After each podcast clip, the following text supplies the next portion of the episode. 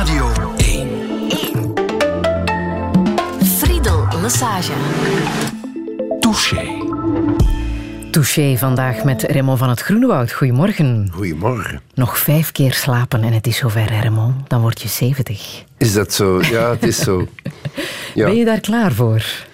Ik hoop er klaar voor te zijn. Ik neem mijn druppeltjes op tijd en stond tegen een verkoudheid. En uh, buiten het werk dat mij te wachten staat, probeer ik het ook rustig te houden. Druppeltjes. Ik, uh, ik kan daar nog wat druppeltjes aan toevoegen. Ik heb hier een, een flesje druppeltjes voor jou uh, Oh.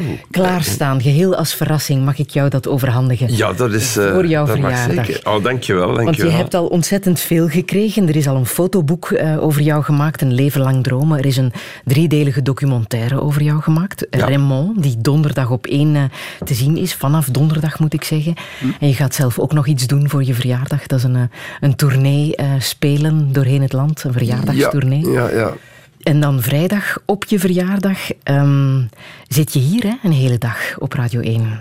Ehm, ja, de, waarin, waarin ik eh, sommige antwoorden probeer te formuleren op vragen die mij gaan gesteld worden. Ja, Dat zal vandaag ook gebeuren, dat zal Ja, niet ja, ja. anders zijn. Het- Maar zullen we misschien beginnen met, met die druppeltjes te schenken? Is dat een Ja, ja, ja, goed idee? ik, ik ga eraan werken. Ik laat de eer aan jou om zo'n fles eh, te openen. Raymond, mag ik ondertussen vragen aan jou een typische touché-vraag? Ah. Hoe jij jezelf zou omschrijven?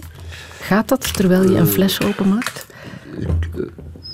Voorzichtig, Mhm. tot op zekere hoogte, zolang het kan. in, in de dialoog. Maar ja, ik heb het niet over mediagesprekken hoor. Ik heb het over eh, privégesprekken. Ja, ja. En eh, als er dingen op de man afgevraagd worden, dan wel eh,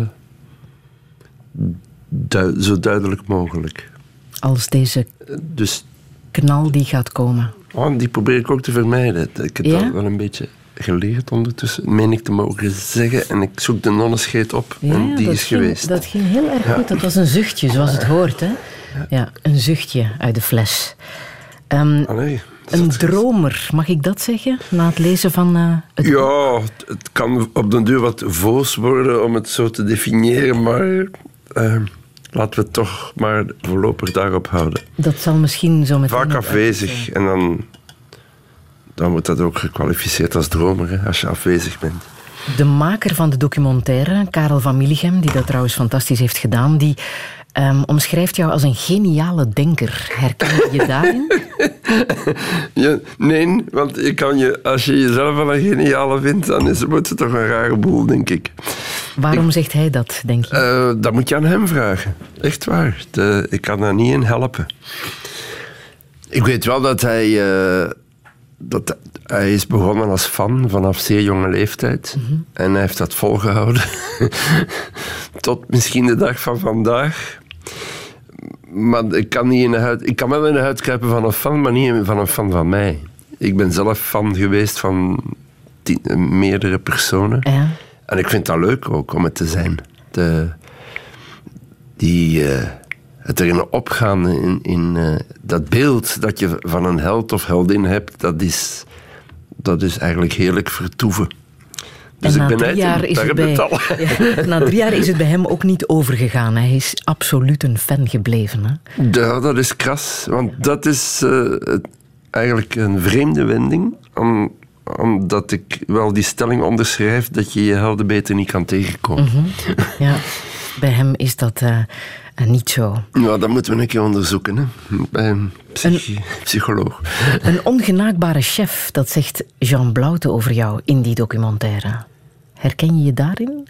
Eh, ja, als je zo krasse termen begint te strooien, dan zal ik elke keer een beetje stuntelen en stamelen. Ik besef wel dat ik de regisseur ben van het toneelstuk waarin ik ook acteur ben. Ja? En dat je En- dat strak in de hand moet houden. En ja, dat, ik heb ook geleerd dat dat niet bestaat, een democratie. In een kleinere of grotere groep. Er is altijd iemand die de andere probeert te kneden naar zijn beelden. En het kan moeilijk anders, want er kunnen geen vijf regisseurs zijn voor een stuk. Zelf zeg je in de documentaire: Ik ben een lastigaard, een beetje getormenteerd. Talent voor mopperen en zagen. Dat klopt. Uh, de, als ik niet oppas, kunnen ze zeggen: Goh, wat zit je te zeuren? ja, ik zie. Ik heb de ambetante eigenschap dat ik overal de fout zie. En dat ik. Uh, dat belet me niet soms te genieten van, van wat goed gaat. Maar in het werk vind ik het wel interessant, omdat het, je, het houdt je bezig. In, dat vind ik dan weer goed. Mhm. Maar ik denk dat het raar kan overkomen op medemensen. Dat ik daar zeer veel over bezig ben. Van de, ooit was het televisieprogramma Alles kan beter. Ja. en het is niet alleen dat. voor elk opgelost probleem komt er een nieuw probleem op de proppen. Dat, uh, dat aanvaard ik wel. Maar ik vind dat je daarmee moet omgaan. Toch op beroepsvlak en misschien ook in, op relationeel vlak. Wie mhm. weet. Een wandelende contradictie. Enerzijds wil je wereldberoemd zijn, maar aan de andere kant uh, wil je ook wel met rust gelaten worden. Dat uh, heb ik zelf uitgedokterd, die theorie omdat ik heb gemerkt wat het impliceert wanneer je succes hebt en wanneer je bekend wordt. Mm En dan merk ik wel dat ik daar niet voor gemaakt ben om daar vlot mee om te gaan. En anderzijds heb ik natuurlijk de universele ijdelheid, die altijd mag gestreeld worden. Dus uh, daar zit de tegenspraak eigenlijk. En wij die dan allemaal aan jouw mouw trekken om jou te fetteren. Laten we daar toch nog even we gaan, we gaan officieel wat... op klinken. Dat is goed, ja. ja. Raymond van het Groene Woud, welkom in Touché. Radio 1. 1. Friedel Massage. Touché.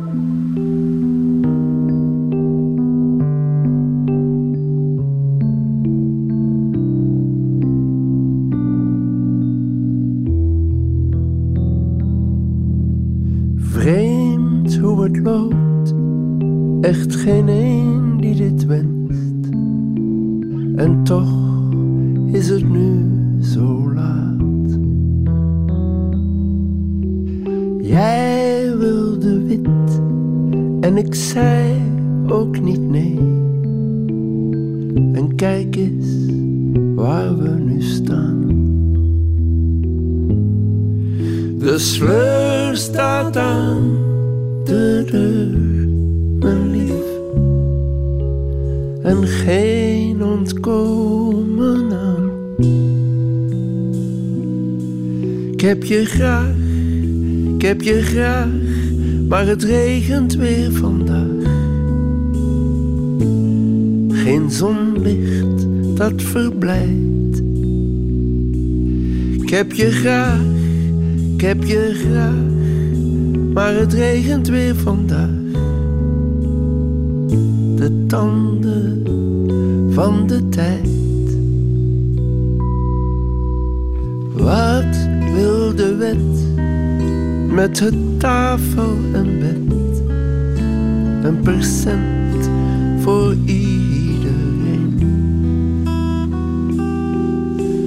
Oh, hoe romantisch de dag van de eet. Een percent voor iedereen. De sleur staat aan de deur, mijn lief, en geen ontkomen aan. Ik heb je graag, maar het regent weer vandaag. Zonlicht dat verblijft Ik heb je graag, maar het regent weer vandaag. De tanden van de tijd.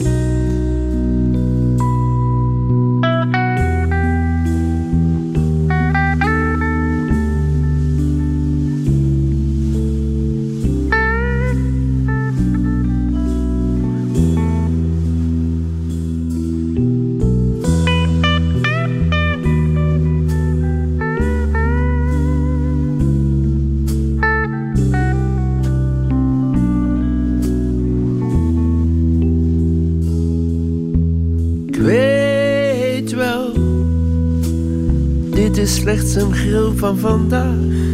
Maar soms, schat, ligt het mij zo zwaar op de maag. Ik heb je graag, maar het regent weer vandaag.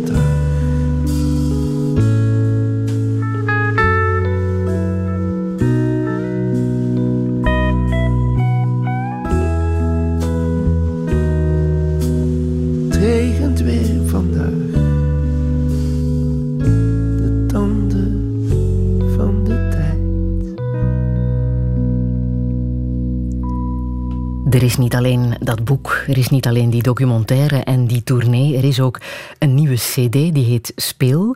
En daarop staat dit nummer. Ik heb je graag. Geen nieuw nummer. Het is het enige nummer dat een nieuw jasje heeft gekregen, Raymond van het Groenewoud. Waarom precies dit nummer? Waarom precies mijn favoriet nummer Ah, van bon? jou? Ja, Eh, ja. ja. Omdat Karel, de documentairemaker, plots een suggestie had van... eh, komt dat er niet op? Waarop ik verwonderd zei, maar dat is toch al opgenomen? Ja, maar zei hij, dat is op een live plaat. Het is nooit opgenomen in een, voor een studioplaat. En daar zat ik even over eh, te mijmeren. En dan dacht ik ineens, ah, dat is mooi. Dan zie ik mijn kans gewoon om die twee regels die mij altijd geambeteerd hebben, eruit te gommen.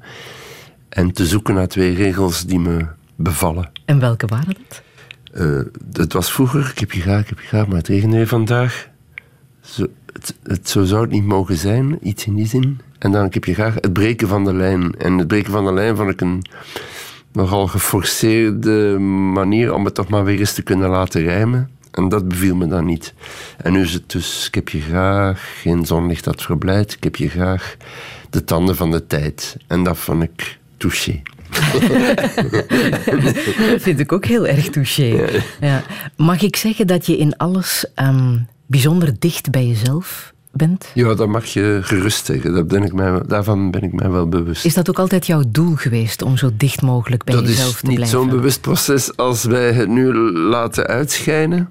Maar ik ben ondertussen wel tevreden dat ik podium op en af ga met alleen maar een wissel van schoeisel eigenlijk. Ja? Qua persoon zijn.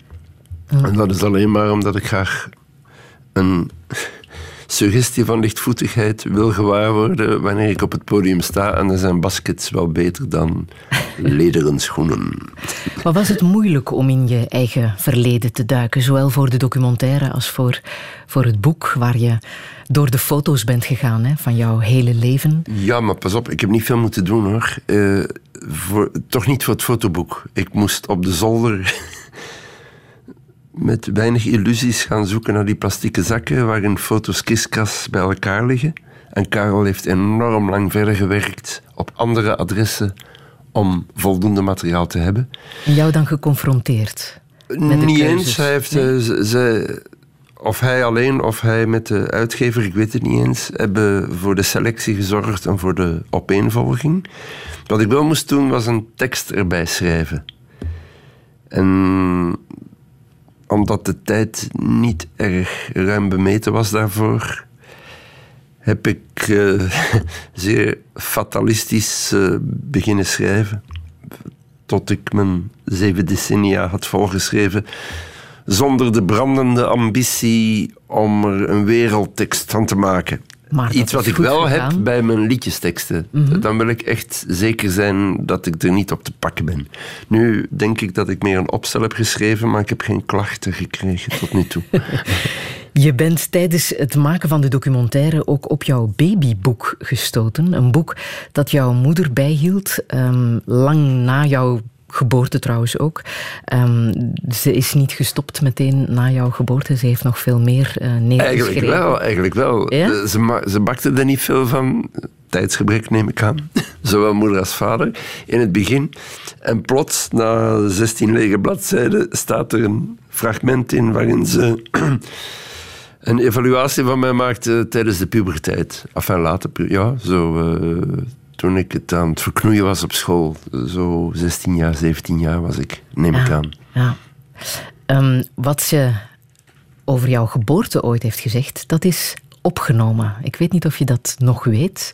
Ehm, dat heeft ze ooit uh, voor een camera gezegd. En dat was dit. Toen ik zo zes maanden zwanger was, toen stond er een raam open waar ik woonde. En toen kwam er een witte duif naar binnen gevlogen. En toen zei ik, goh, Ramon... Uh, ik wist nog niet dat hij Ramon zou heten... maar het kind wat ik krijg, dat zal wel een heel bijzonder kind worden... want er is zomaar een vredesduif zomaar naar binnen gevlogen. Maar toen is haar vader weggegaan. En dat is nooit gelukkig voor een kind. Touché. Radio 1. Wat denk je als je dit hoort? Ik ben al verbijsterd dat ik de stem niet meer ervaar als uh, comme d'habitude, maar dat ik een vrouw hoor die, die een stem heeft die met wat moeite lijkt op de stem van mijn moeder. Ja? Mijn moeder is overleden in 2009. Waar zitten we nu? Ah ja, elf jaar later bijna. En dat vond ik het meest, dat is wat, wat mij het meest uh, trof. Mm -hmm. De inhoud van de tekst kende ik inderdaad wel een beetje. Van die duif in elk geval. Ja. En dat van die vader, ja, dat is... Uh, ik kan niet zeggen dat is een open deur intrappen, maar het is, uh, je kan er niet omheen. Maar dat heeft het jou niet makkelijk gemaakt, het feit dat jou... Nee, maar ook dat ben je niet bewust. Dat, de, de, dat is geen zware ervaring op het moment zelf. Want ik herinner me wel dat ze een beetje geëmotioneerd die uitleg probeerde te doen.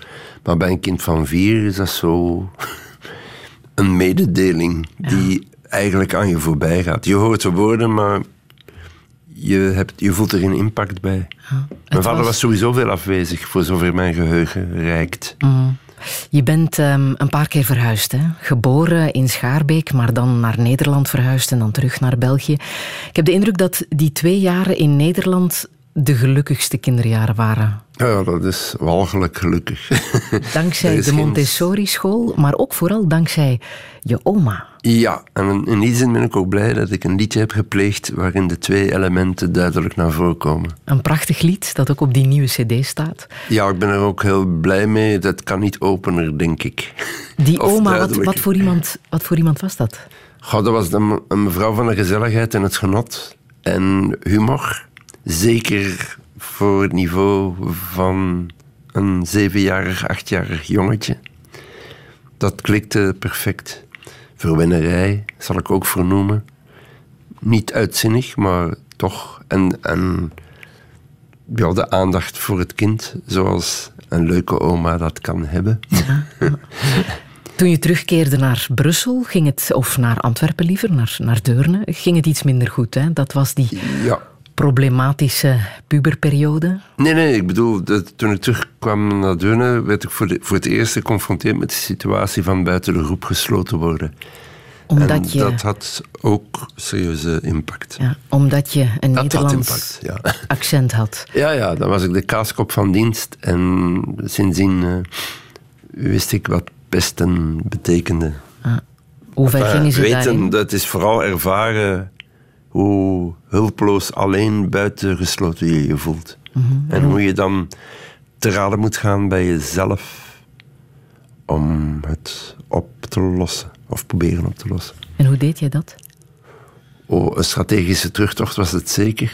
En uh, misschien heeft dat geholpen om een eigen wereld niet alleen maar te creëren, maar steeds verder uit te bouwen. Dan heb je geen andere mensen nodig. En dat ging Zo lang alleen, mogelijk geen andere alleen op je nodig. kamertje. Ja, dat, dat, dat beeld kunt je er wel bij scheppen. Ja. Ja, dankzij de boeken, dankzij de literatuur. de boeken hebben veel geholpen. En uiteindelijk voetbalde ik ook wel hoor. Maar dat, was dat had niks met de klas te maken, gelukkig. Dat was in het Rivierenhof, waar, eh, waar het af en aan eh, komen en gaan was op een groot veld zonder lijnen. En dat vond ik fantastisch. Ik vind het nu nog fantastisch, dat beeld. Dat je er gewoon, ja, speel maar bij die kant, wordt er dan gezegd. En dan wanneer men echt niet meer weet of het nu 22, 15 is of 23, 18, dan wordt er gezegd, weet je wat, we beginnen weer bij 0-0. En de teddybeer, hoe lang is die meegegaan? De teddybeer, ja, nu stuurt je aan op een mooi moment. De teddybeer ging waarschijnlijk heel mijn leven meegaan als reliquie, omdat die heel belangrijk was een tijd lang. Ook voor de fantasiewereld. Maar een jaloerse vrouw heeft die teddybeer in een vlaag van frustratie, neem ik aan. En woede in stukken getrokken of geknipt. Waarvoor hulde?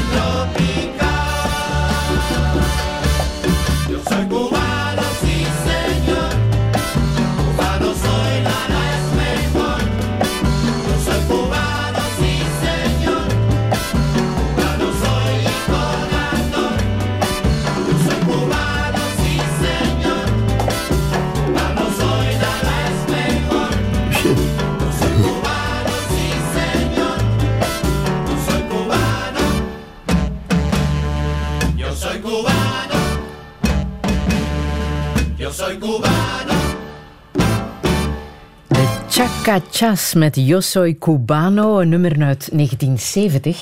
Een nummer van... ehm, ik zal deze even zo hangen. Een nummer van eh, Nico Gomez, Raymond van het Groenewoud.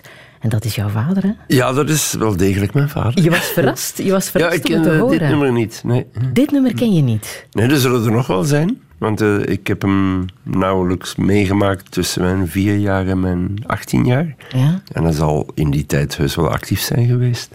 Nochtans En zijn hij er heeft nooit eh, iets ja? opgedrongen van je moet eens horen wat ik al, allemaal gemaakt heb. Nochtans zijn er al behoorlijk wat muzikanten die met deze melodie aan de slag zijn gegaan. Onder andere Kendrick Lamar.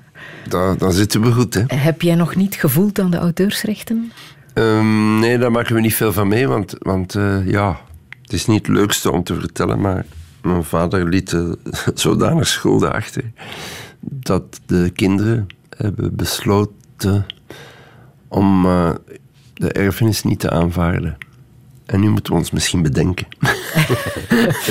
Met terugwerkende kracht. Ja. Maar wat voor iemand was hij? Oh, de, eh, hij was in de eerste plaats, dat viel het meeste op namelijk, eh, de man die in onvrede met zichzelf leefde. En verder oh, heb ik hem meegemaakt in de periode waarin hij zijn frustratie duidelijk liet merken over niet genoeg aanvaarding van zijn talent eh, wat, wat zijn werk betrof. Of, en vooral niet, vooral niet genoeg eh, respons. Te weinig, eh, veel te weinig schouderklopjes of zoiets. Hij, hij was daarover bitter gestemd. De artiesten voor wie hij had gewerkt, die, die dachten niet genoeg aan hem. En iets in die trant. En hij had ook een, een, visie, een gevaarlijke visie over het leven toen, toen hij zei... eh, Ik heb nu genoeg gewerkt voor de mensen. Nu wordt het tijd dat de mensen iets terugdoen voor mij. Dat was rond zijn pensioengerechtvaardigde leeftijd. En toen dacht ik, oei, oei, dat, is, dat klinkt niet erg realistisch. En toen was ik een beetje op mijn ongemak voor hem. Eh, ja, en verder iets dat later is beginnen dagen. Hij, eh, hij was alcoholist. En dat zijn wel vaker figuren waar je het niet aan merkt. Ook niet aan hem. Nee, bij, bij hem merkte ik... ach, Bij mijn terugwerkende kracht denk ik dat die overdadige dosis eau de toilet... die ik wel eens meemaakte op weg naar zijn werk, toen ik mee mocht naar de studio, dat dat misschien diende om iets te maskeren. Ik weet het niet.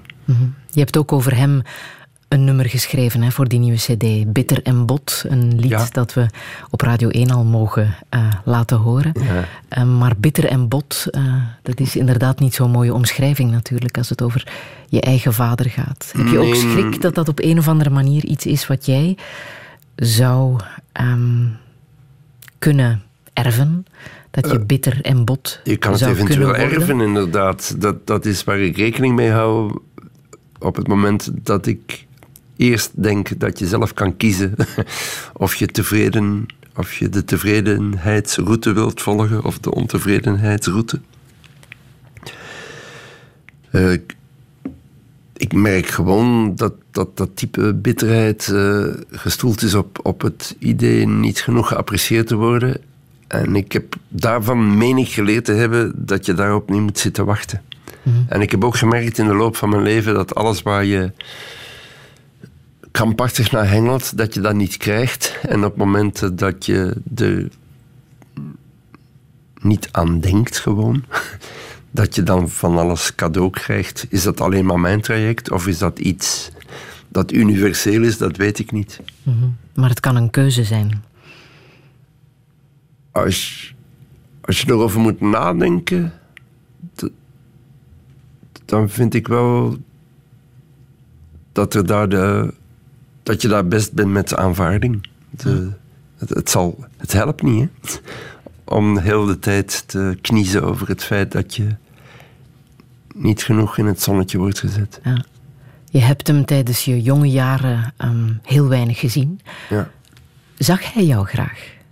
Ja, dat geloof ik wel hoor. Eh, hij zei dat ook. Hij zei het op mooie momenten, hij zei het ook op verkeerde momenten. enfin, hij, zei, hij zei niet op verkeerde momenten dat hij me graag zag, maar hij zei op verkeerde momenten dat het hem zoveel pijn had gedaan, de afwezigheid. Want daar heb je niks aan natuurlijk. Als iemand die zijn vader niet zag. Toen je 19 was, ben je met hem gaan samenspelen. Hè? Want Ja, hij was ja, hij heeft me muzikant en gered hij van vervelend werk toen ik mijn uh, ateneumtijd verknoeid had. ja, heeft jou echt wel mee die muziekwereld eh, ingeholpen. Ja, eh, het was niet helemaal nieuw. Ik speelde al mee in een balgroep. En dan leer je toch al het een en het ander. Ik heb daar zeer veel van geleerd trouwens. Maar het was wel heel fijn om aan de kost te kunnen komen. Om daar een begin mee te maken. Op het moment dat je moeder en stiefvader zeggen... Zie nu maar dat je aan de kost komt. Want dat was dan eigenlijk leuk werk. Uh, Arrangementen kopiëren, mee in de studio. Uh, zingen. Uh, koorzangen. Ja. en uh, percussie, uiteindelijk bas spelen. Dat was, uh, dat was bescherming. En ma hem... materiële bescherming in elk geval. Heb je hem dan ook beter leren kennen? Kun ja, ja, zeker, zeker. Plaatsen waar zijn demonen vandaan kwamen? Ja, dat is in die tijd eigenlijk dat ik begon te snappen waar hij last van had. Ja. En, maar in die tijd was het ook dat we stroken, gelijklopende gevoel voor humor hadden. Met name voor meligheid en absurdismen. En dat is natuurlijk iets uh, wat ik koester en wat ook in het liedje voorkomt. De, die momenten dat we niet meer bij konden komen van onnozele dingen. Ja? ja? Ja. Heeft dat veel goed gemaakt? Ja, ja dat is uh, fijn om dat te kunnen meenemen in je leven. Ja. Heeft hij um, geleden onder het feit dat hij die naam droeg, Nico Gomez, in die zin dat hij um, op de vlucht is geslagen? Hè? Uh, ja, maar daar, um, daar hebben we het niet over gehad. Nee? Ik wist wel van andere mensen dat hij een enorme te schrik zat dat hij ging gevonden worden door de militaire politie van Nederland. Toen hij- hij dus gevlucht was naar Brussel om niet te moeten dienen voor politionele repressie in Indonesië. Ja, dat is uiteraard overgegaan op het moment dat er een amnestie, of hoe heet dat dan, Ja. voor, voor kwam. En die stap naar Nico Gomez was eh, om, eh, om echter te lijken, neem ik aan, in de wereld van de Zuid-Amerikaanse muziek. Ja. Hij had toch al de looks waarbij je kon denken dat hij eventueel van Cuba of eh, een ander een land in Zuid-Amerika kwam. En dan is het wel beter om Nico Gomez te heten dan Nico Ooms, want dat was de schuilnaam. Of Jos van het Groene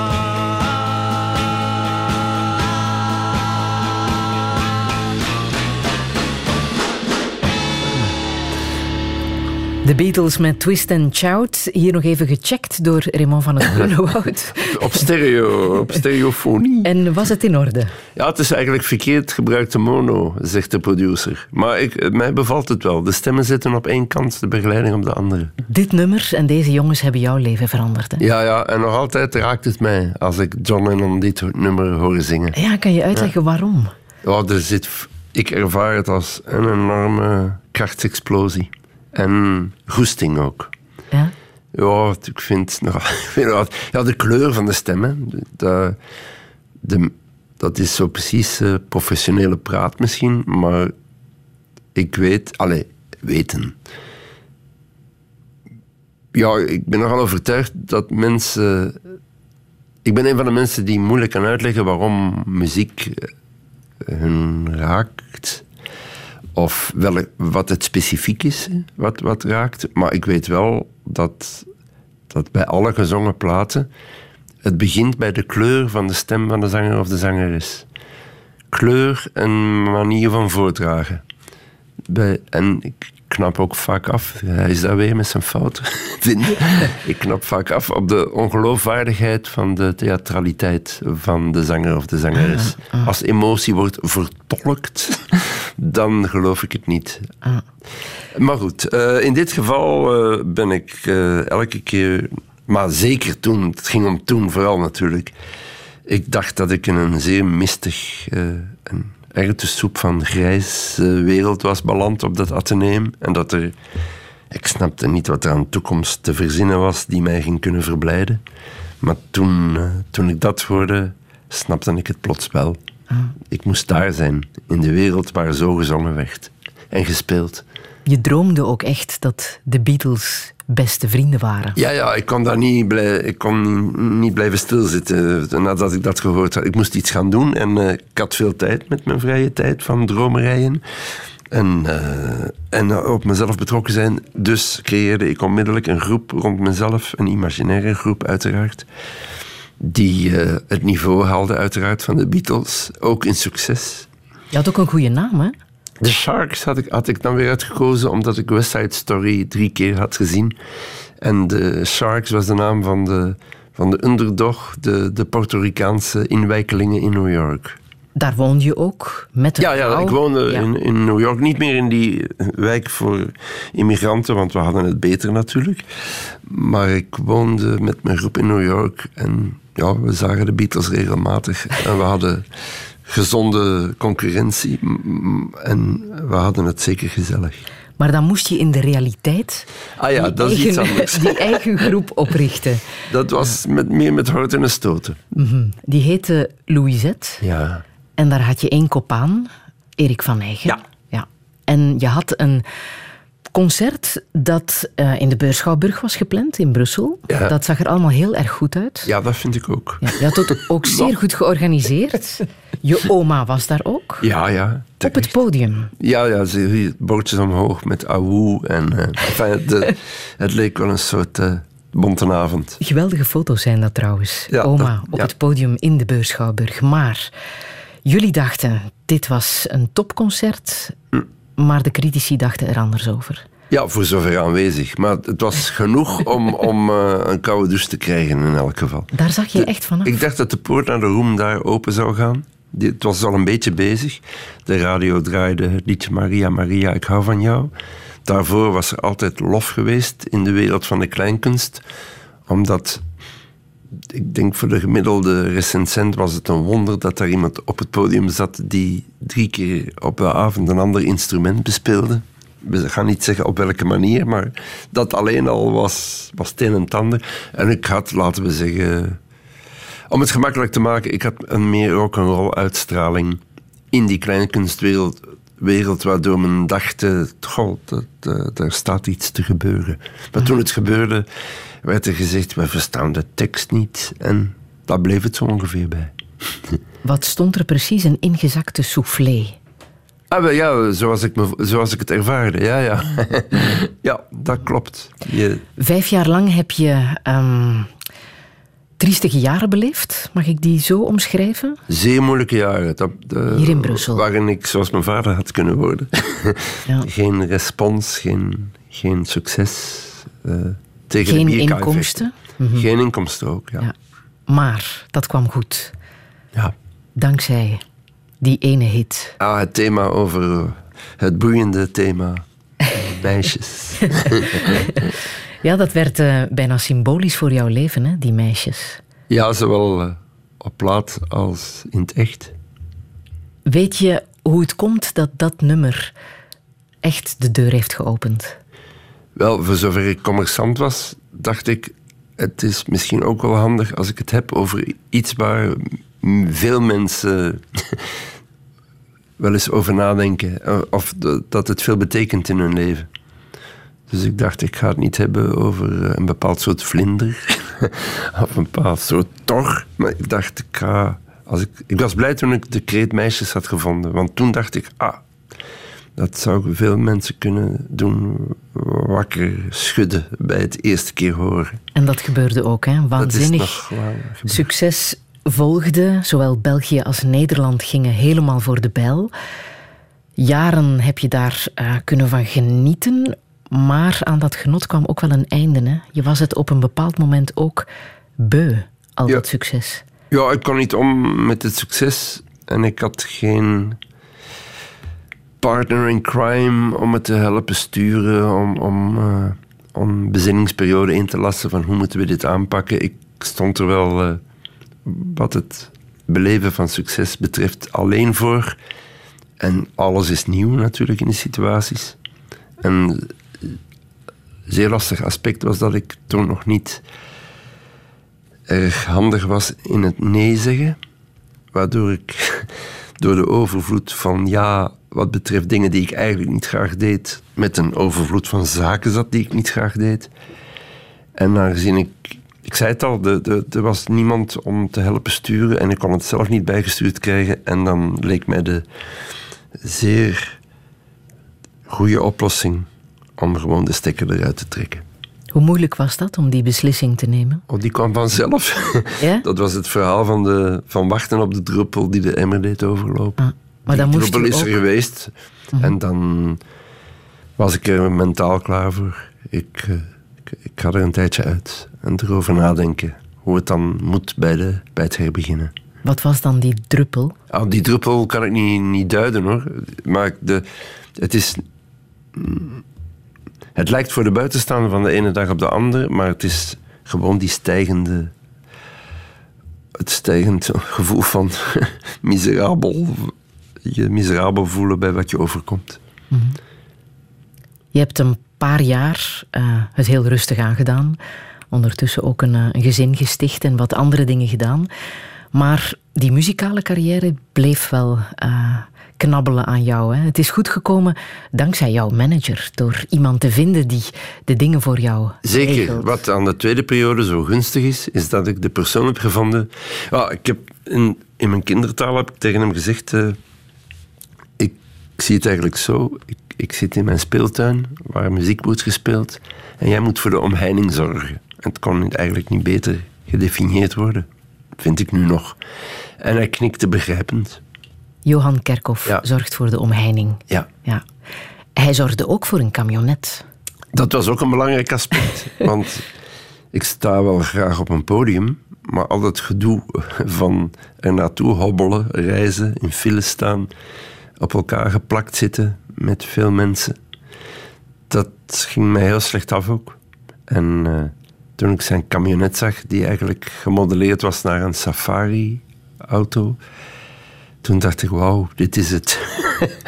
in, in de camionet het bed, de keuken, de stoeltjes, de ja, ruimte, een lavabo, zelfs een gaststel.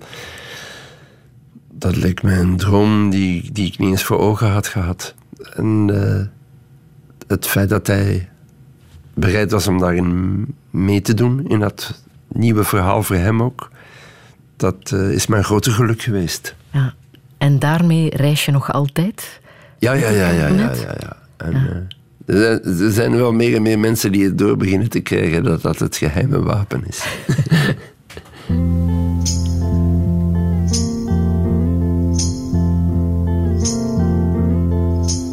Sometimes I feel so happy. Sometimes I feel so sad. Sometimes I feel so happy. But mostly you just make me mad. Baby, you just make me mad. Linger on. Your pale blue eyes. Linger on. Your pale blue eyes.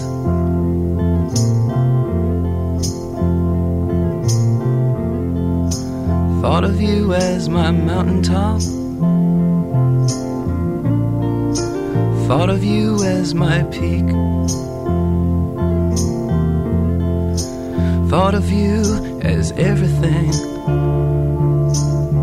I've had but couldn't keep. I've had but couldn't keep. Linger on your pale blue eyes. Linger on your pale blue eyes.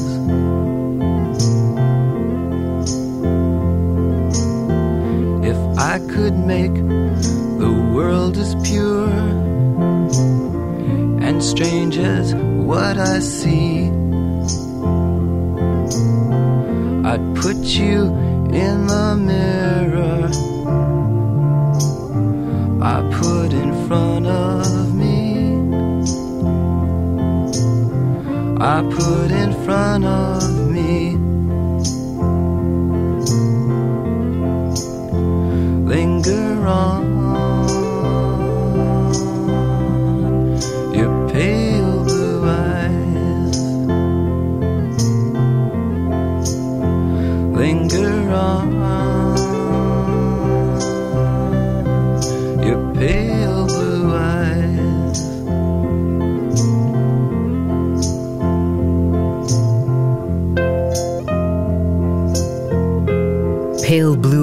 van Lou Reed. Raymond van het Groenwoud, waarom wou je dit nummer laten horen? Ik vind het uiteraard een bloedmooi nummer. En ik hou enorm van de stem. Daar daar gaan we weer van de stem van Lou Reed. De stem die voor mij zo een imago schept van een zeer gevoelige man. Die dan eh, door de tegenslagen in zijn leven en door de confrontatie met het kwade in de medemens een enorm dik panzer heeft gecreëerd rond zichzelf. En, en nog wel het wapen van de agressie veel heeft gebruikt. Enfin, een, een man van eh, extreme tegenstellingen. Dat is de logiet van mijn verbeelding, want zoals altijd kennen wij de realiteit niet van iemand. Heb jij al zijn platen? Nee, nee, ik heb niet al zijn platen. Maar eh, ik heb eh, de nummers thuis die ik heel graag heb. Ik vraag het maar omdat er één plaat is die helemaal anders klinkt dan dit nummer. Een plaat die ook wel betekenis heeft voor jou. Ja, Die eh, heet Metal ja. Machine Music. ja, daar heb ik veel aan. Ja? Aan, Aan- aan zowel, aan maar deze niet, plaat. niet non-stop. Dat, dat zou een verkeerd beeld scheppen. Maar als het me allemaal wat te bar is, en dan kan ik nu niet beschrijven wat die allemaal is, dan zijn er twee wapens eh, qua muziek of geluid die buiten de stilte, hè, die me er bovenop kunnen helpen. Ah, Een soort, er zit ook agressie in mij dan hoor. Allee, een, een, een, hulp, een wanhopige woede. Want Ofwel ik- zet ik eh, de radio aan op de middengolf. Oh, Niet op een duidelijke post, maar op een soort eh, ruis waar zo verre geluiden van muziek door. Lekker luid. Dus ik ben al dicht bij wat we nu gaan zeggen. Of ik zet Metal Machine Music op van Lou Reed. En daar heb ik dan ook zeker een flink aantal minuten deugd van om al de slappe Want die plaat, muziek in, in de Ja. wereld uit mijn kop te halen. die plaat is legendarisch. Ehm, vier keer 15 minuten, dit soort geluid.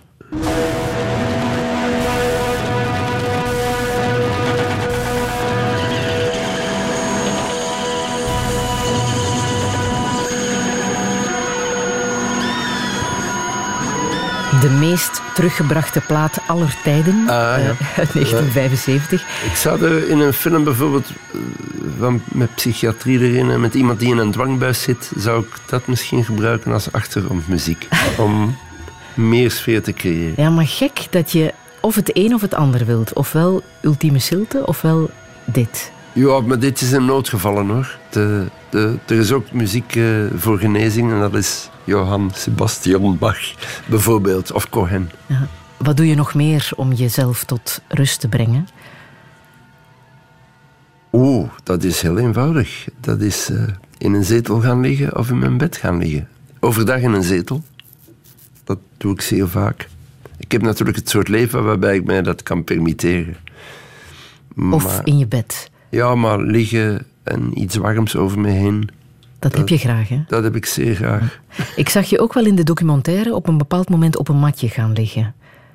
ja, maar dat is voor iets anders. Dat, is, eh, dat zijn knieversterkende oefeningen. Dat doe ik om nog een beetje te kunnen tennissen.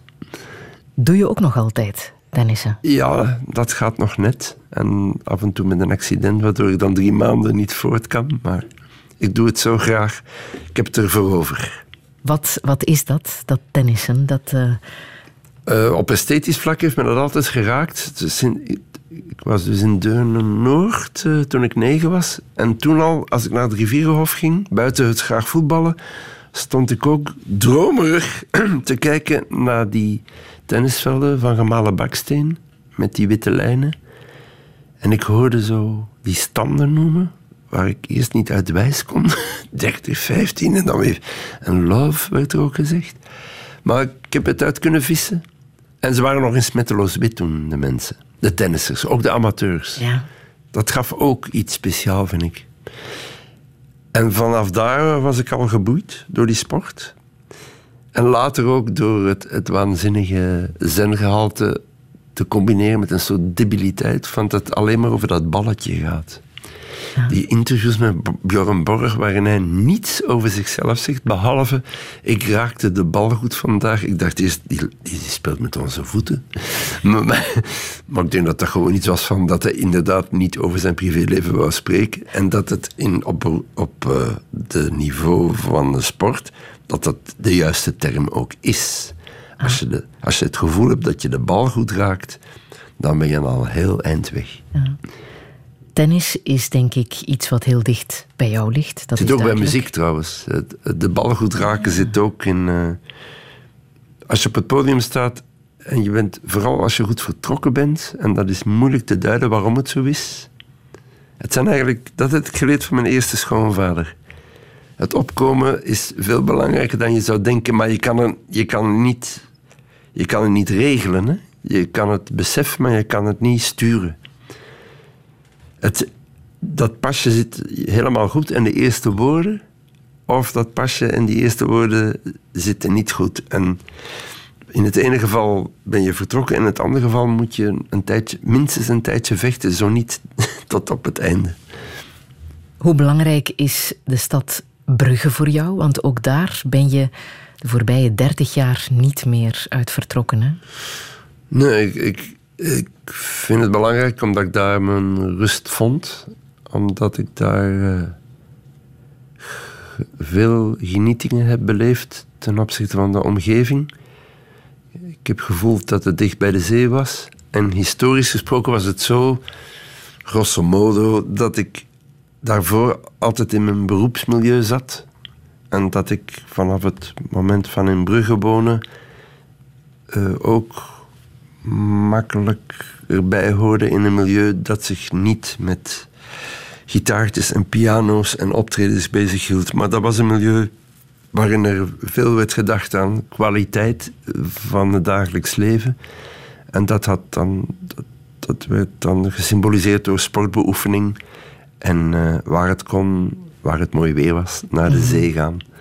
En genieten van wat, de, ja, wat sport en de natuur ons kunnen bieden. Ik heb nog muziek uit jouw eh, favoriete film La Grande Bellezza. Film uit 2013 van eh, Paolo Sorrentino. Waarom raakt die film jou zo? Het rare van die film vind ik dat ik hem een paar keer heb bekeken. En dat heb ik eigenlijk anders nooit met een film. Ik kan hem nog zo goed vinden, maar het idee dat ik het eh, drie maanden later opnieuw zou bekijken, dat, dat, be- dat, ligt me niet. Maar dit is blijkbaar zo'n. Misschien is dat ook weer die droom. Het, het hangt zo in een droomsfeer dat het daardoor alleen al voor, voor mij. eh, en ja, die beelden zijn wel echt zeer mooi. hè. Over die ja, journalist die een boek schrijft ja, dat is het verhaaltje. Ja. ja, en blijft hangen in dat Ja. ene succes. Maar het zijn vooral, er zijn een heel pak dialogen in die voor mij heel mooie dingen van het leven vertolken.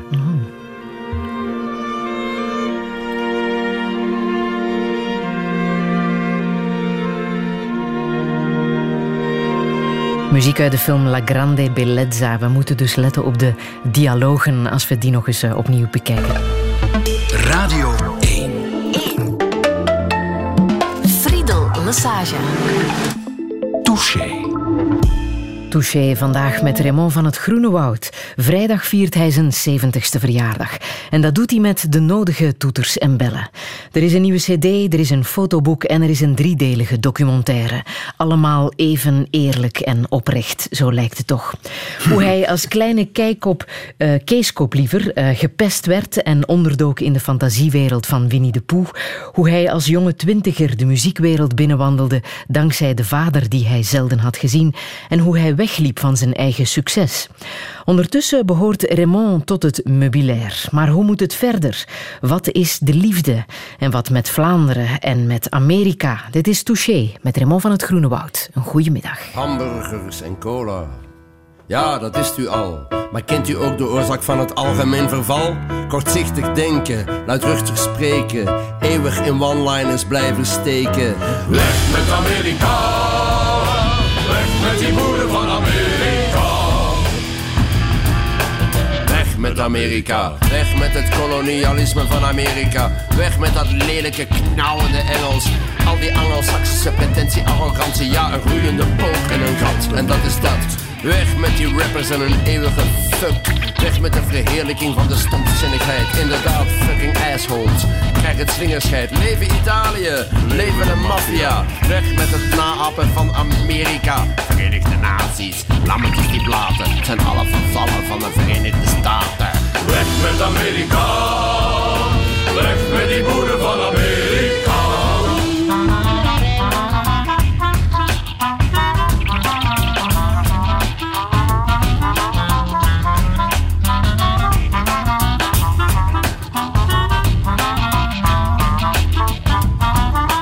Weg met Amerika. Imperialisme van Amerika. Hun voorgekoude kleutercultuur.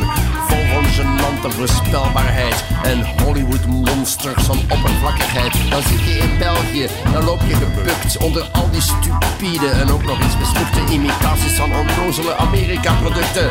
Weg met Amerika, weg met die moeder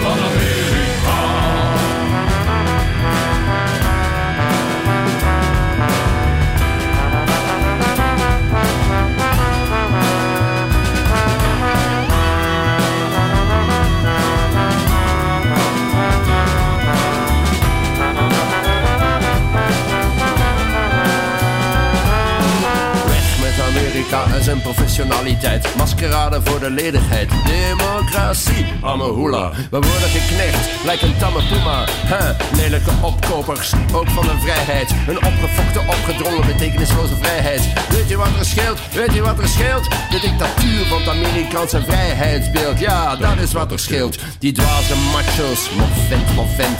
Die spelen nu al 60 jaar politieagent. Weg met Amerika,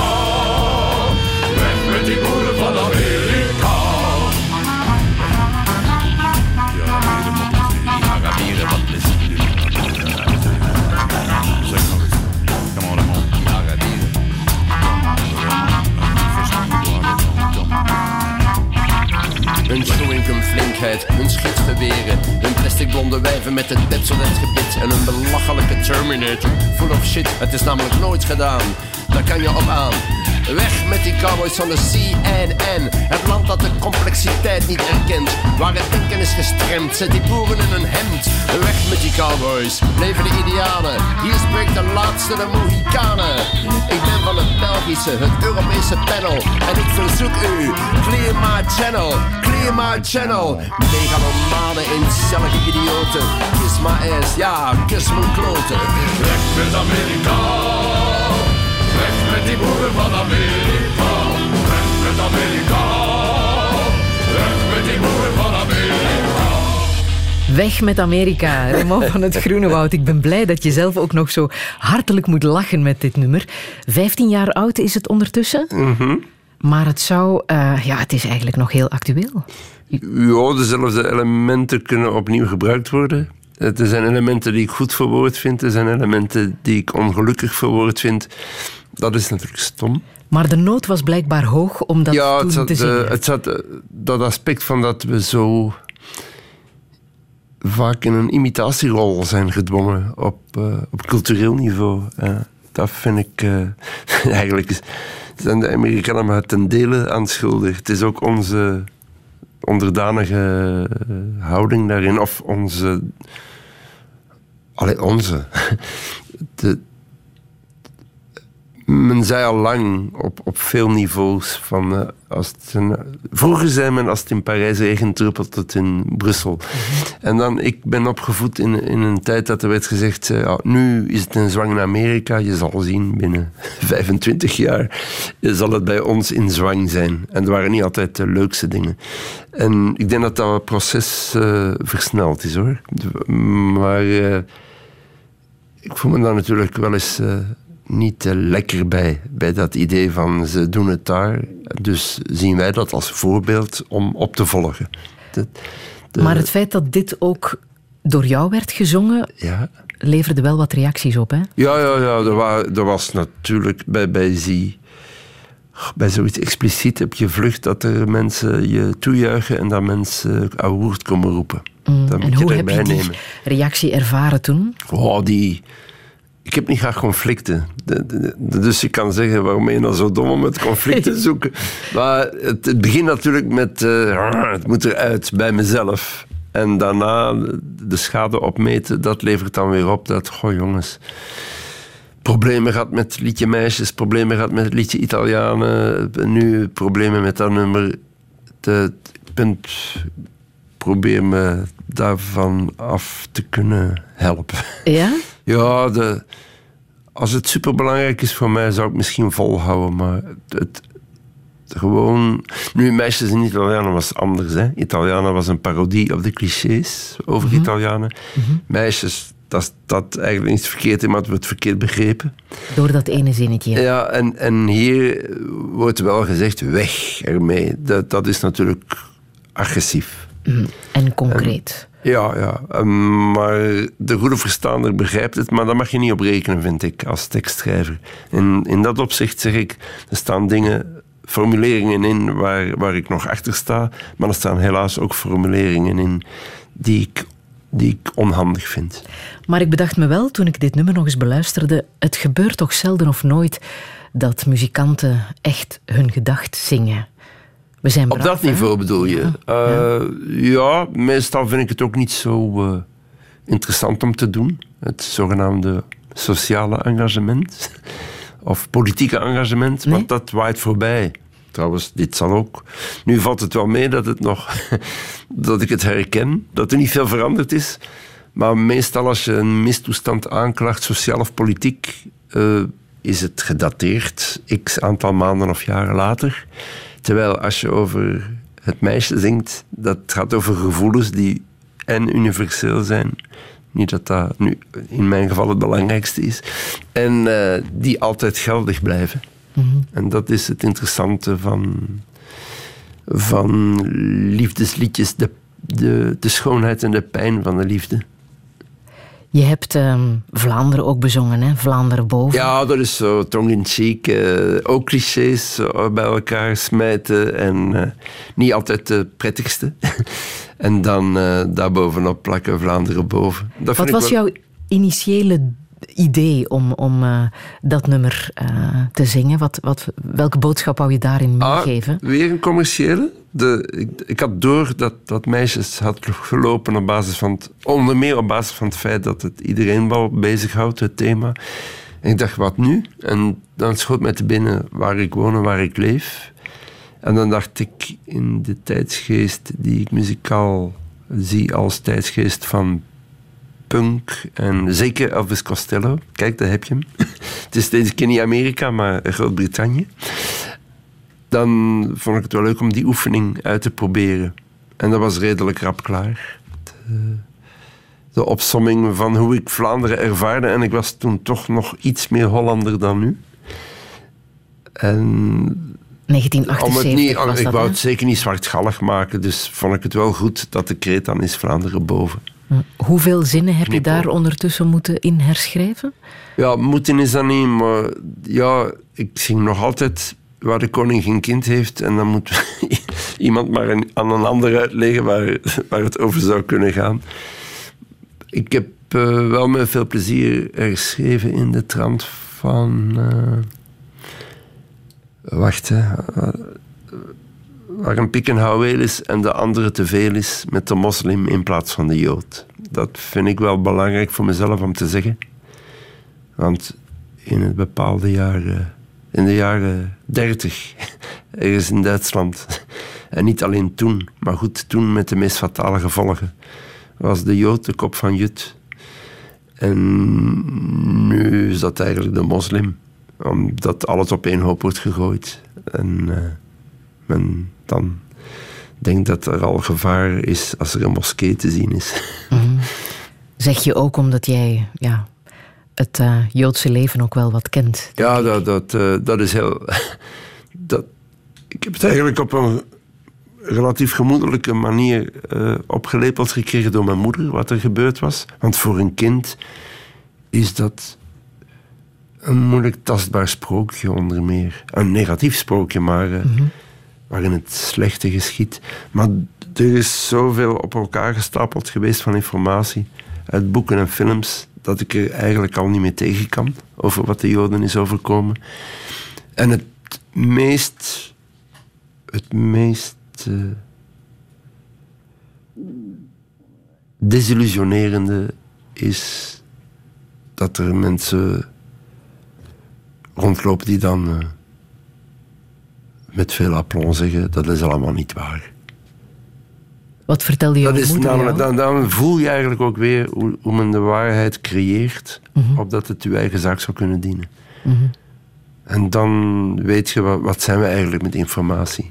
Niets buiten de bezigheidstherapie.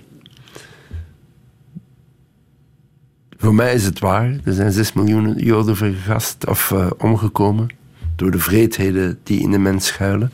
Dus de mens is een onbetrouwbaar wezen in zijn totaliteit gezien. Hè? En dat.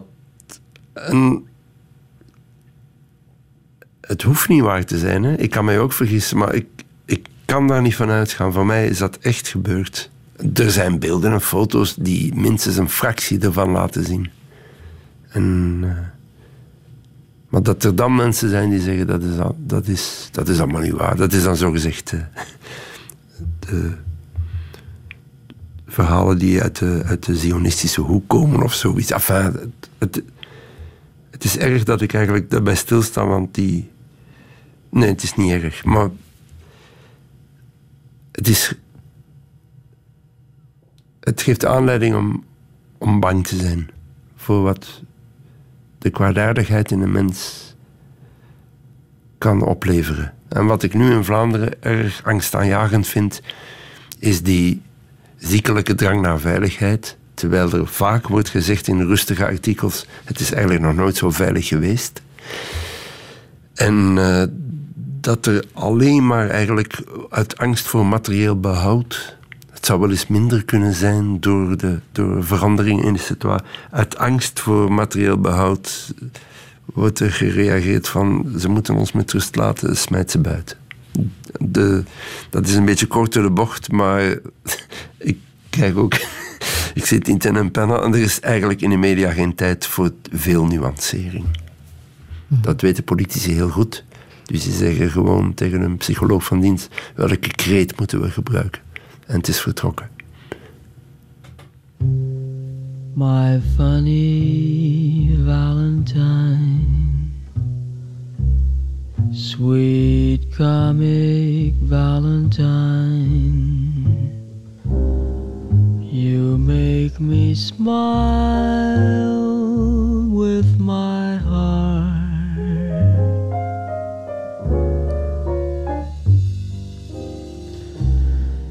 Your looks are laughable,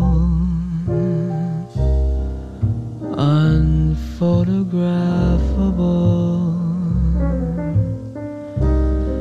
Yet you're my favorite work of art.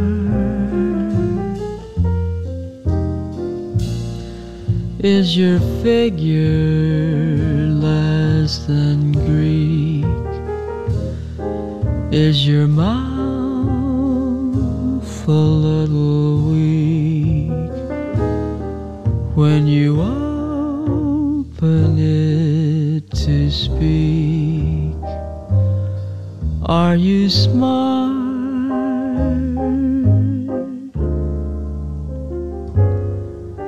But don't change your hair for me.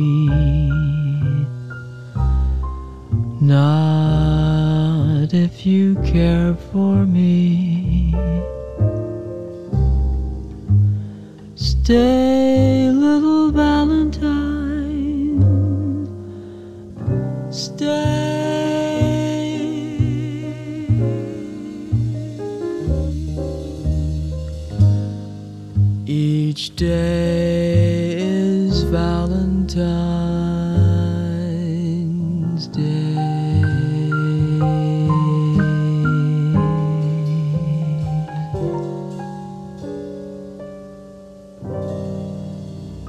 My Funny Valentine en Chad Baker. Oh.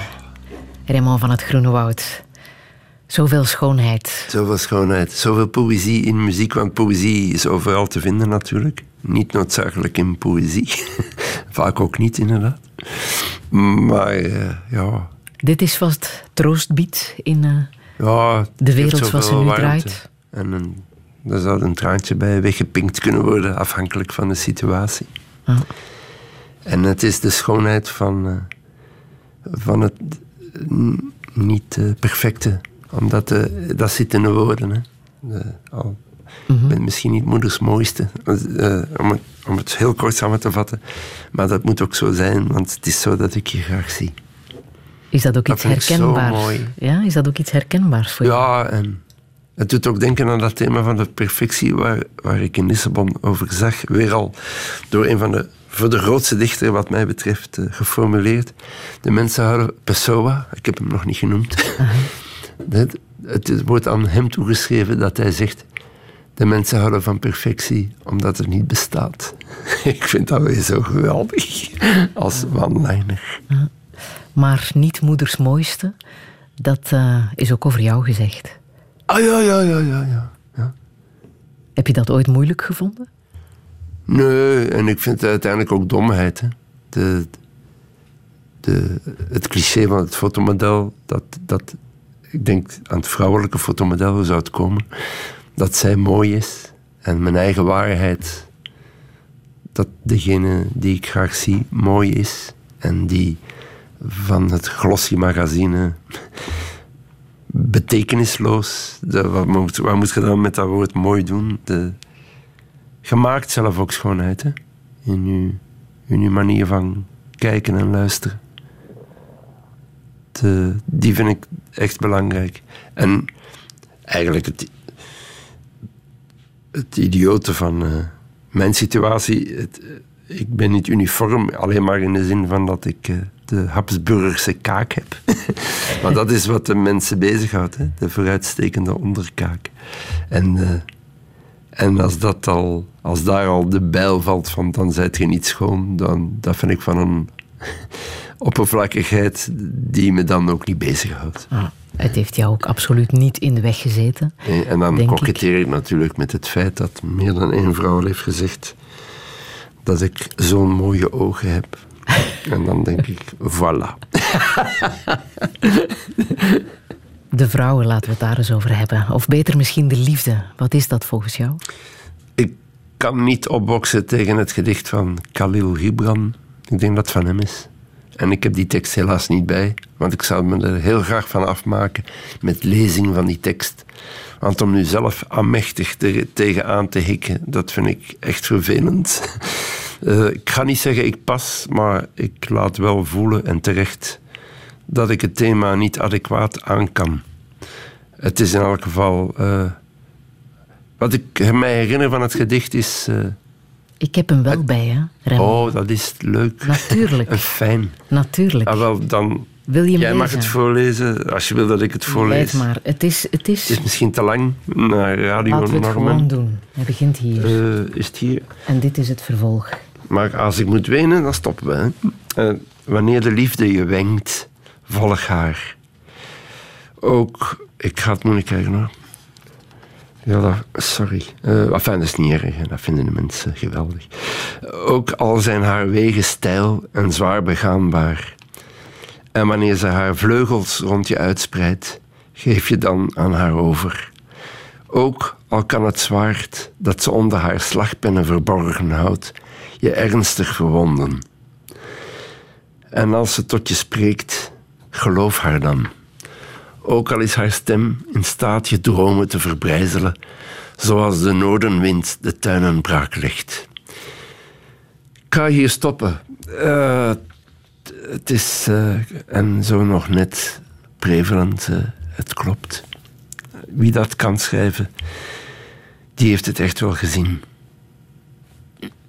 Het Khalil Gibran, de profeet. En ik zou zeggen, mensen, in plaats van in de krantenwinkel te kijken naar bepaalde weekbladen waarin staat wie het met wie heeft gedaan en wie er uit elkaar is en wie er op elkaar ligt, lees liever dat gedicht van Khalil Gibran, want dan kom je heel veel verder. Het is een prachtig gedicht en we zullen het straks eh, op onze website zetten. Moet de liefde ook een beetje pijn doen? Maar het moet niet, maar ik denk, eh, als je opstijgt naar die warme wolken en die, en die zonnestralen en, het ruisen van de bomen en het vastgehouden worden door haar en voelen dat de boze wereld rond je niet meer van tel is. Het is niet raar dat je dat moet loslaten om met andere zaken bezig te zijn. En dat door een ongelukje je weer keihard in een koude, beschimmelde kelder terechtkomt. Maar daar kom je ook wel weer uit. Het zijn die warme armen die je nodig hebt. Ja, de warme armen en de stem. En zeker het tactiele hoor. Dat, dat speelt een grote rol in mijn leven. Ik lees met plezier Pessoa en ik lees ook met plezier dat gedicht over Lydia. Dat hij tegen haar zegt, we zitten aan, aan de oever van de rivier en laten we elkaar niet vasthouden. Want als dan een van ons verscheidt, gaat de andere rustig kunnen nadenken over dat verscheiden zonder totaal verloren te lopen. We zijn hier en we kijken naar de rivier. En het andere beeld dat hij schept, maar dat is, eh, dat is eh, ontmoedigender. dat is, eh, ja, hij kent natuurlijk het noodlot goed. En ik denk dat hij zoiets zegt van, waar het fatum de karos van het alles laat rijden over de weg van niets. En daar, dan heb ik het ook te kwaad als ik aan dat beeld denk.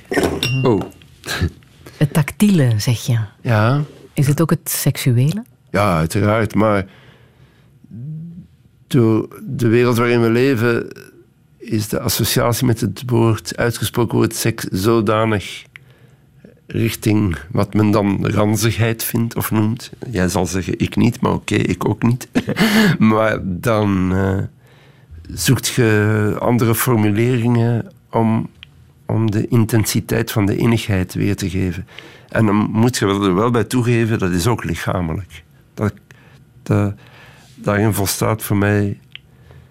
Er moet iemand zijn die, die, die daarvoor is, voor die intensiteit van het lichamelijke. Dat is beminnen.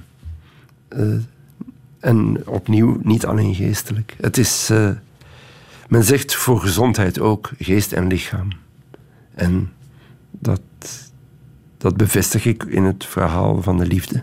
Gezondheid en liefde, dat is een zaak van geest en lichaam. En het is geen kampioenschap wie van de twee het belangrijkste is. Ze gaan in elkaar over. En dat is toevallig dan weer iets heel mooi in het mens zijn. Moeten we dat ook weer meer durven benoemen eh, als man en vrouw? Het seksuele, het mooie van seksualiteit. Ja, de, het is een ding op zich, hè, de seksualiteit. De, het geloof dat je.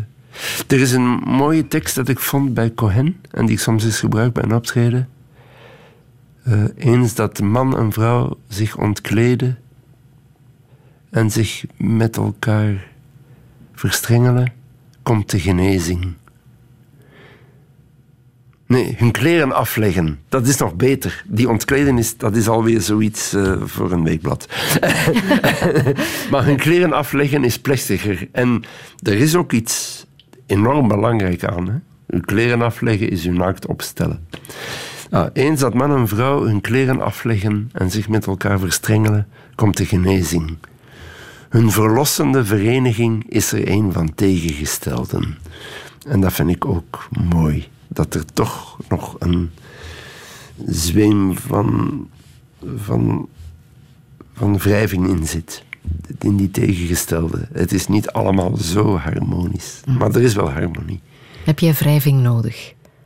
Eh, als we het cabaret gaan beleven, kan ik zeggen ja. In cabareteske zin kan ik ja zeggen. En in diep geestelijk. nee, en ja, ik denk dat wrijving, dat krijg je gratis voor niks vanaf de geboorte. Oh. En beschadiging ook. En eh, de, dat is de zaak. hè. Die beschadiging, daar sta ik wel vaak bij stil. Opvoeding is beschadiging. Je wordt begrensd en gelimiteerd. De baby kan alles. En leert alles af. Eh, ik, ik wil daar niet als somber beeld op hangen. Hoor. Ik, het is gewoon vaststellen dat dat voor een deel zo is. Je ziet kinderen dansen en zingen zoals wij dat nooit meer zullen kunnen in ons volwassen leven. En dan op een muziekschool zeggen ze, ja, maar je moet zo zingen. En dan... Het, ik zie geen andere formule, hoor. Het is niet dat, dat ik het beter weet, het moet anders. Maar het is lullig. Heb jij tegen je kinderen gezegd, je moet zo zingen? Je moet het Eh, zo doen in het leven. Nee, nee, ik heb wel gezegd wanneer een zoon vroeg hoe moet ik dat doen, dan la- deed ik voor zo. En ik heb wel het cliché gebruikt van de vingerzetting. Een kind heeft de neiging om zijn beste vinger voor alle toetsen te gebruiken, maar je loopt vast wanneer je dat systeem huldigt. En dan wanneer je leert alle vingers te gebruiken voor vingerzetting op een piano bijvoorbeeld, dat is initieel lastig, maar als je, als je het verder wilt brengen, dat is natuurlijk een belangrijke als, dan moet je het, allee, dan weet ik niet meer of je moet het zo doen. En een uitzondering kan de regel bevestigen. Bijvoorbeeld Django Reinhardt, die, ja, noodgedwongen, hè, die was een paar vingers kwijt. Die blijkt virtuoos te zijn met gemis van vingers. Ja, dan zeggen wij als collega's, ja, wat is me dat zeg, ongelooflijk. En kan je die levensles ook doortrekken naar het leven zelf? Want nu antwoord je als muzikant, hè? Ah, ja. Heb je ook tegen je kinderen gezegd, hoe het Nee, moet, dat leven? Nee, ik kan het beamen, alleen wat, wat, wat, wat ik moet het ook, enfin, wat ik net toegeef, dat, dat zijpelt hopelijk wel, is, is ooit hopelijk doorgecijpeld naar hun. En in hun studiemoeilijkheden, ateneumtijd, zeg ik wel eens iets, maar ik heb er altijd bij gezegd, alleen maar die eigen individuele getuigenis, ja, ik kan moeilijk hier prediken, want ik heb er zelf een rotzooi van gemaakt. Maar ik heb gewoon dat cliché opgehangen van... Als je denkt dat je daar iets mee zijt met dat diploma, ja, dan moet je, er, dan moet je voor doen. Hè. Je kunt het alleen maar halen door voor te doen. Meer wist ik er niet over te zeggen. Was je een goede vader? Ik ben er nog in, hè. Eh, Ze zijn groot ondertussen. ik ben een eh, cliché afwezige vader. En eh, ik ben blij als ik ze zie. En naar uiterlijke kenmerken te oordelen, door mij beoordeeld, zijn ze ook blij als ze mij zien. Dus dan denk ik, dat gaat wel. Hè.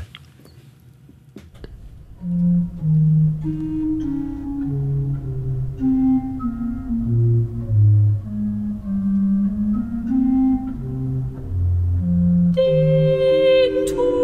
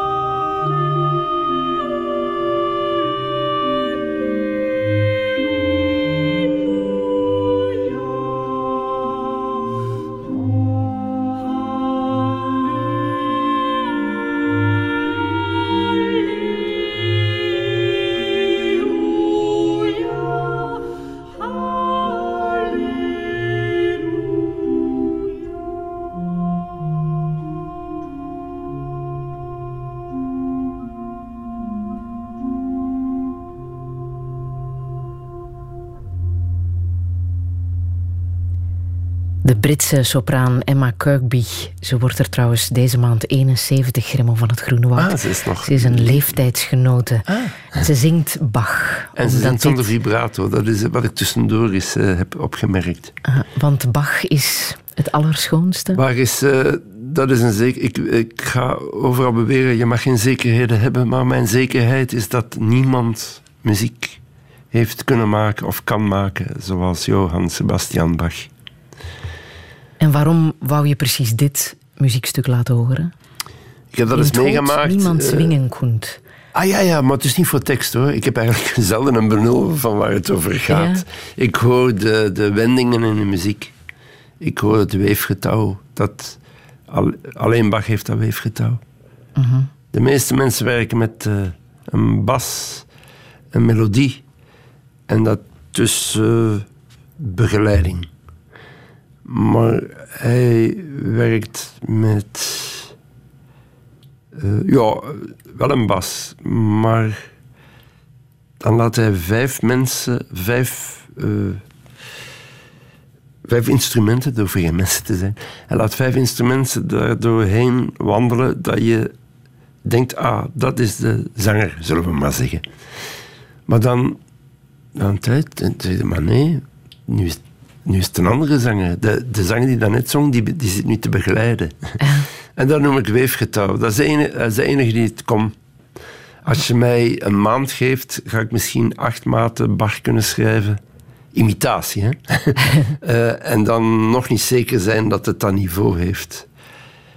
En, maar eh, ik ben niet de enige die, die tijd nodig heeft om een moeizame imitatie te maken. Je kunt dan zeggen, maar kunt je dat dan wel... Kunt je dat zoveel vlotter bij anderen... Het andere is veel makkelijker te bevatten.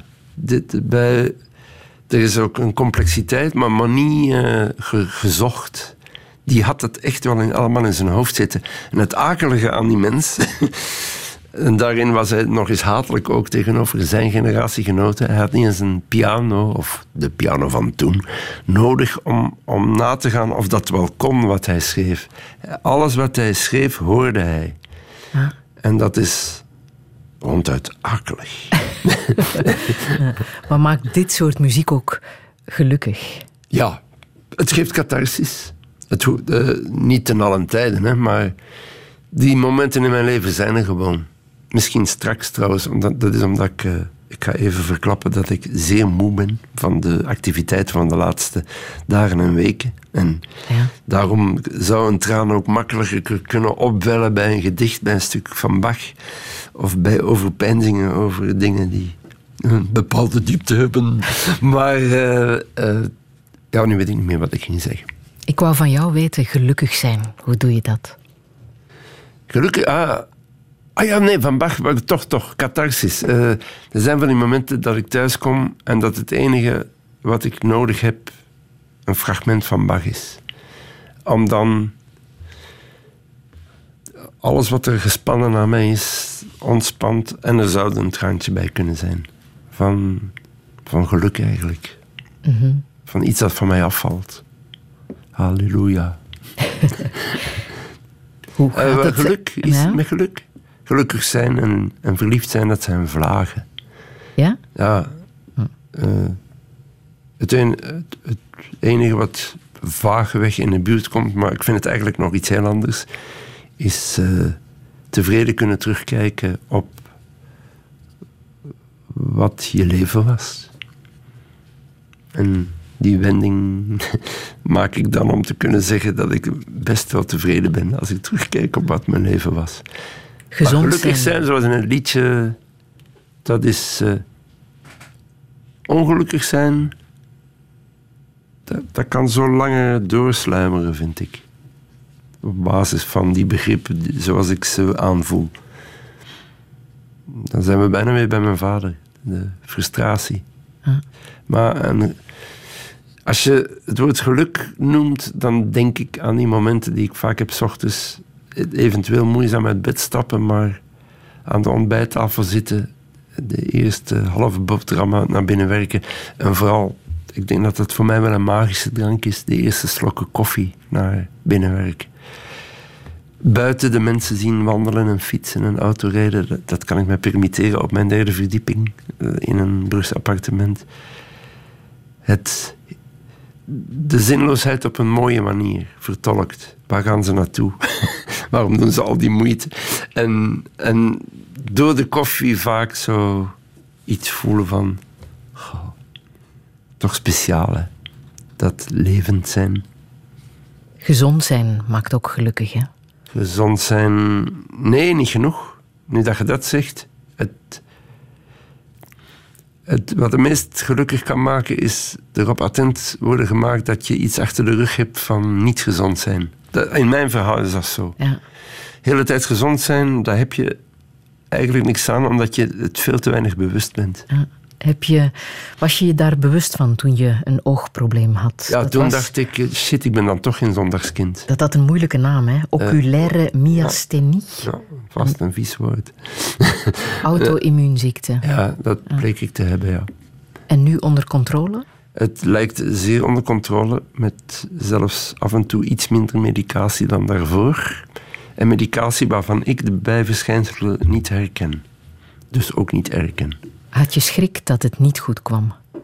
Ik had eh, door de invloed van cortisone een gelatenheid van dit... Naar cortisone toe had ik iets van dit wil ik niet. De, mijn lever begaf het trouwens ondertussen. En toen ik klaar was om, laat me dan maar blind worden, want oculaire myasthenie komt bijna neer op blind worden. Toen was er een reddende engel in Maasmechelen. Een dokter die hard werkt op dat thema en veel weet. En die zei en dacht dat daar iets aan te doen viel, zonder gebruik van cortisone. En die heeft mij erdoor geholpen, waarvoor ik hem natuurlijk eeuwig dankbaar ben. Zal jij blij zijn aan de meet, Remo? Ja, allee, als ik de tijd krijg om een gevoelen te hebben, hè, als, ik, als de, de storm van vandaag mij bij mijn nekvel grijpt en naar paradijs of hel stuurt, dan heb ik misschien geen tijd gehad. Maar het denkbeeld van eh, die meet die eventueel hier mag zijn, en dus ook verder, dat denk ik wel in termen van blijheid, omdat er is wel er is sowieso mentale vermoeidheid die groeit. Geen afkeren van het bestaan of van deze wereld. Maar mijn oma zei, de, andere oma, de moeder van mijn vader, die was 85 en ik vroeg haar, en? Oh, gaat wel, zei ze. Maar eigenlijk hoeft het niet meer, hoor. En dat was zo heerlijk droog. Het is niet... Ik dacht niet aan haar toen ik mijn eigen liedjes schreef. Maar ik vond het eh, prachtig in zijn eenvoud. In, in het, en wat ik ook goed vond, is dat het niet, niet larmoyant werd gebracht. Eigenlijk hoeft het niet meer, hoor. En dan zei ze ook... Neem nu dat opstaan, dat is toch eigenlijk wel heel lastig. En toen kwam de clue, maar ik heb een flesje bij me staan en als ik zo'n genevertje op heb, dan lukt het me nog wel om op te staan. Ik zie me niet dezelfde weg volgen, want ik lust geen korte drank, maar die nuchterheid waarmee ze alles bracht, dat vond ik fantastisch. Hoe zie jij jezelf oud worden? Heel geleidelijk. dag per dag. Eh, immer actief in de muziek. Tenzij ik mij mijn teksten op genante manier niet kan herinneren. Daar zou ik wel denken, voor zover ik dan kan denken. De- dan hoeft het niet meer. Daar ligt dan de meet. Op eh, werkgebied wel, ja. ja. Ah. Maar voor de rest kan ik dan toch wel nog naar buiten staren. En het mooi vinden. Dat groeit. Dat is een zeer goede zaak. De, de immer aanwezige elementen van de natuur krijgen een steeds grotere plaats. En dat vind ik zeer fijn aan ouder worden. ik herken het cliché ook wel. Maar dat is geen bezwaar in dit geval, het cliché. Dat de bomen steeds belangrijker worden. En de vogels. En de blauwe lucht. En desnoods ook een diepgrijze lucht. Ja. Mm. Ehm, wat zou je echt nog willen? Ah, daar heb ik geen last van.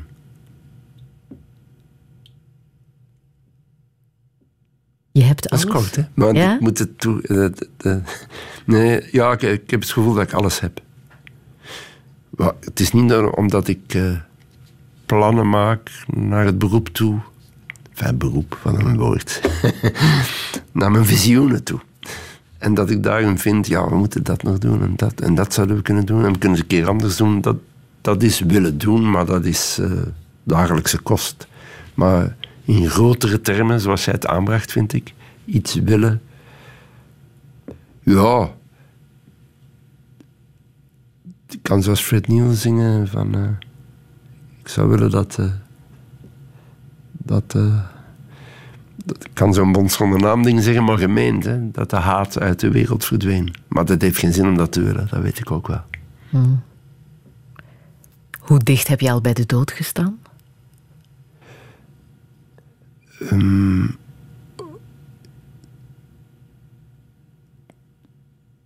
een paar keer als ik mijn verbe- verbeelding goed laat werken vooral. Ik weet soms dat er iemand van rechts kwam en dat ik niet meer kon stoppen en dat die gelukkig stopte, die persoon die van rechts kwam. En daar gaat er wel zo'n flits door je heen van jongens toch, eigenlijk. Ik ben toch een kalf van aan, de- aan deze snelheid te rijden zo'n dingen. Maar niet, eh, geen ziekte die, dat, dat ik dichtbij was. Geen Yves van der Haren verhaal. Ja, ik noem een voetbaltrainer waarvan ik weet dat hij zelfs de bijna doodervaring heeft gehad. Dat Ben je- weten, zo staat het in de gazet, madame. Maar ben je bang voor de dood? Ik heb vaak de indruk dat ik niet bang ben voor de dood. Ik heb ook nooit de, de woede ten opzichte van de dood van een ander. Ik, ik ben bekendgemaakt met een natuurlijk verloop van, van de dingen toen ik jong was. Ik heb één nacht geweend, dat herinner ik me nog wel. Oh, wat erg dat je doodgaat. En vanaf toen, misschien, is, is die aanvaarding al gekomen. Ik vond het natuurlijk erg als, als een artiest die mij met zijn live optredens de mooiste momenten van, van optredens heeft bezorgd, met name Prince.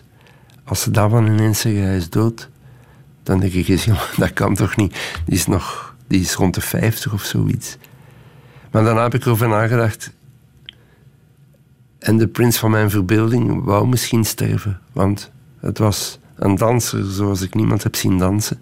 Dat is een kwaliteit die de vele anderen aan Michael Jackson toedichten. Maar ik dicht hem toe aan Prince, omdat ik bij Prince ook seks ervaar. En bij Michael Jackson alleen maar esthetiek. Heb ik het woord toch uitgesproken. Eh, en, eh, maar echt weer in een zeer gunstige zin. Van, eh, dat je er opgewonden van wordt. En, en dan heb ik vernomen dat hij een nieuwe hub heeft moeten laten zetten en dat hij al lang niet meer kon doen wat hij daarvoor kon.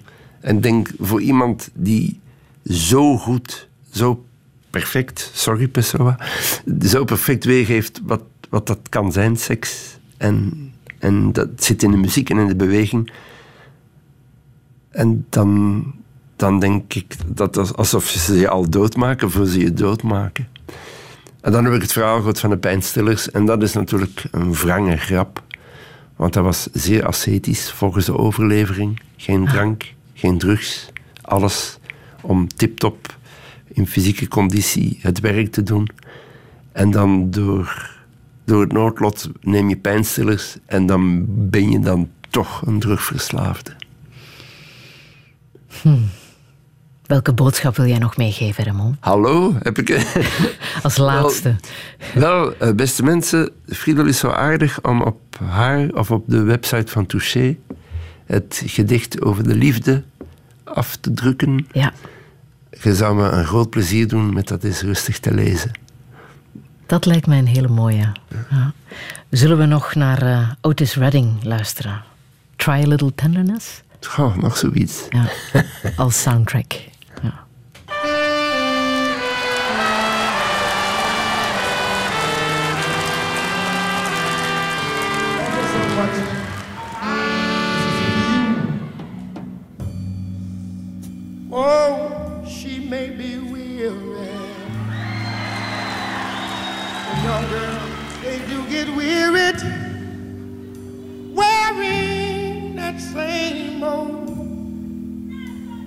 Dress, yeah, yeah, yeah.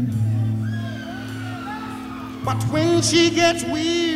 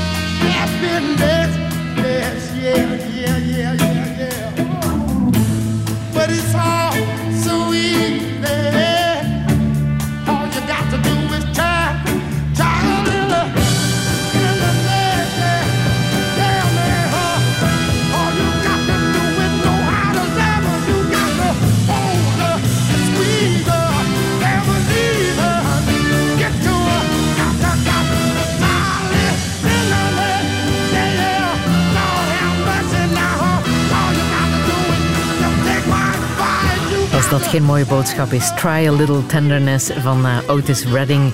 Raymond van het Groenwoud, ik wil je hartelijk danken voor eh, dit gesprek. Op naar de 100.